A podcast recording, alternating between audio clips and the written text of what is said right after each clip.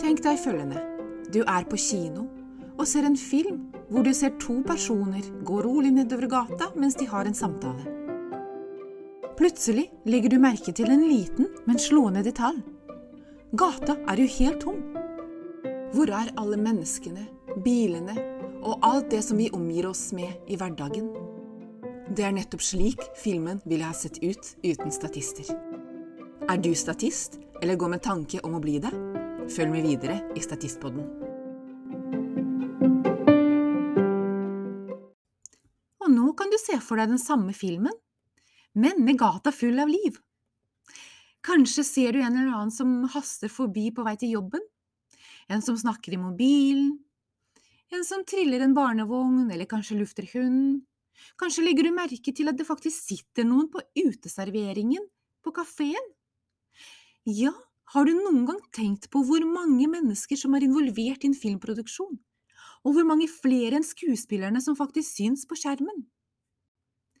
Mitt navn er Julianne Weber, og jeg har medvirket i mange hundre produksjoner opp gjennom årene. Min historie strekker seg helt tilbake til 1999, da jeg begynte som hobbystatist og publikum. Min far jobbet på denne tiden som kokk, og han fikk tak i billetter til NRK-programmet Kokkekamp. Og da var jeg jo helt i hundre over å bli med og se hvordan de faktisk lager TV. Og etter det så har jeg medvirket i flere programmer som publikum og som statist, da stort sett ubetalt. Jeg har gjort veldig mye privat også, også i skolesammenheng. Men min første betalte rolle, den fikk jeg da i 2005 i filmen Reprise. Og da husker jeg det veldig godt at jeg var statist i en strandscene, og når jeg senere så den filmen, så bare ble jeg litt overrasket over hvorfor uh, syns jeg ikke. Ja, man ser at det er noen der, men man ser ikke hvem det er. Men det er ikke det som er poenget. Jeg hadde faktisk gjort jobben min, jeg fikk betalt for det, og det var det. Jeg har medvirket i produksjoner som hadde engasjert flere hundre mennesker. Flere hundre statister og smårolleaktører. Og det betyr at enhver film- og TV-produksjon har behov for alle mennesker de kan få tak i. Det er stadig nye roller som må fylles opp, og veldig mange av disse rollene går til mennesker som deg og meg, uten en årelang teaterutdanning. Ja, for jeg hadde faktisk tenkt å gå teaterlinja, men jeg fikk aldri lov til det av alle de velmenende menneskene som skulle gi meg råd om hvordan jeg kunne sikre meg best mulig økonomisk. Alle snakket meg vekk fra det, og det endte opp med at jeg tok en masse andre utdanninger som jeg ikke får brukt. Enkelt og greit. Men til tross for manglende utdanning har jeg altså vært i bransjen i mange, mange år. Misforstå meg rett, dramautdanning er en absolutt fordel. Men det er langt fra alle som er utdannet innenfor drama, og kanskje kun en liten brøkdel av alle skuespillere som har fast jobb i teater eller film. Kanskje husker du Hotell Cæsar som gikk i årevis? Er du en skuespiller og blir engasjert i Hotell Cæsar, ja, da har du jobb i mange år. Men det var svært få som var så heldige. Dessuten er enkelte film- og teaterskoler svært vanskelig å komme inn på, og ikke minst dyrt. Men det er flere skuespillere vi kjenner til i dag som startet som statister og smårolleaktører i sin tid. Blant de som har gått den såkalte bakveien, er Bruce Willis, Jackie Chan, Sylvester Stallone og kanskje flere som du kjenner til. Blir du det neste, eller ønsker du bare en ekstra inntekt ved siden av studier eller deltidsjobb? Veldig mange som vurderer å starte som statist, de vet ikke helt hvordan de går frem. Vi har vel alle hørt om disse modellene som har blitt oppdaget på matbutikken, på gata og andre offentlige steder. Og hvis du går rundt og satser på å treffe en talentspeider et eller annet sted og bare bli oppdaget sånn tilfeldig, ja, da kan du bare fortsette å drømme, for det kommer ikke til å skje. Sjansen for det er nemlig veldig, veldig liten. Du kan like så greit bare gå og kjøpe en lottokupong. Så en annen ting som veldig mange gjør, er å prøve å finne en agent. Men det kan også være vanskelig. For agenter jobber jo ikke med helt ferske skuespillere, og i hvert fall ikke med de som ikke har noe erfaring i det hele tatt. En annen ting som veldig mange, meg inkludert, da jeg var 16 år, prøver seg på, det er rett og slett det å være en tilfeldig statist.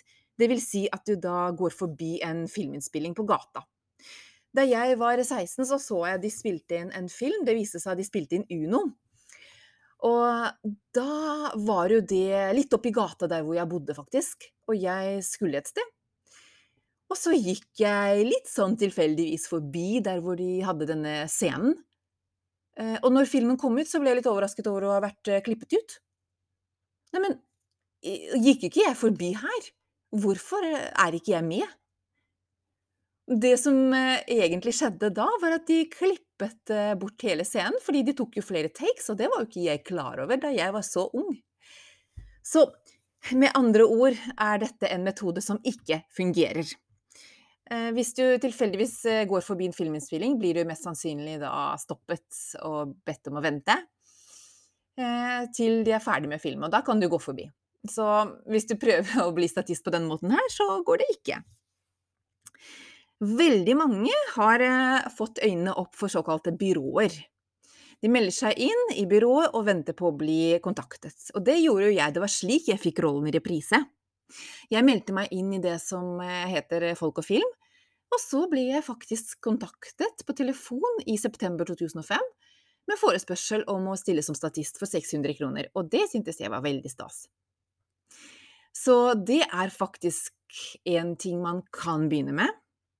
Men det som jeg anbefaler, og det som også er grunnen til at jeg faktisk startet denne podkasten, er at jeg skal hjelpe deg slik at du kan kjenne veien inn i bransjen og ta ansvaret selv.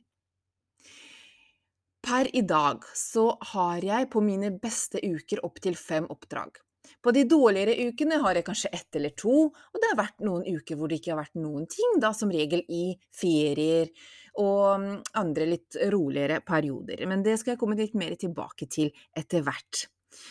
Så kunnskap er altså din inngangsbillett inn i filmbransjen, men det hjelper lite å vite hva du skal gjøre hvis ikke du har den rette innstillingen.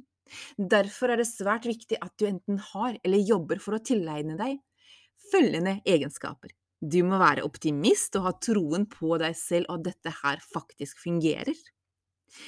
Du må ha tålmodighet, du må tåle å vente på svar, du må tåle at det også kan bli noe venting på sett, særlig på de statistoppdragene hvor de trenger mange mennesker.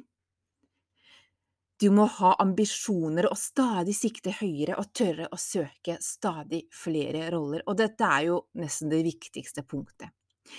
Du må også være litt uhøytidelig og ikke tenke på hvordan du tar deg ut. Du spiller faktisk ikke deg selv, men en rollefigur. Og sist, men ikke minst, så må du faktisk ha tro på at statistyrket er noe det er mulig å leve av, selv om det mest sannsynlig blir på deltid i starten. Og selv om du får et nei fra produksjonen, så må du ikke gi deg. Jeg tør å påstå med 99% sikkerhet at du allerede nå innehar minst to av de ovennevnte egenskapene. Ja, bare fordi du har funnet frem til denne podkasten. Så vær bevisst dine tanker og holdninger, så kommer resten som perler på en snor.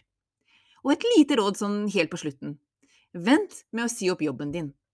Det tar tid å opparbeide seg en god rutine og komme inn i flyten som gir deg stadig nye oppdrag. Som frilanser eller selvstendig næringsdrivende så kan du jobbe så mye eller lite du vil. Du kan jobbe deltid og dermed øke din nåværende inntekt på en spennende og lærerik måte. Og om du ønsker på sikt å kunne leve av det, har du mulighet til det også.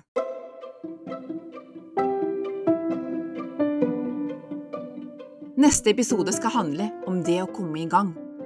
Da går vi inn på hvor jobbene fins, og litt om hvordan du søker ditt første oppdrag. Høres det spennende ut? Bli med videre. Vi snakkes. Ha det bra.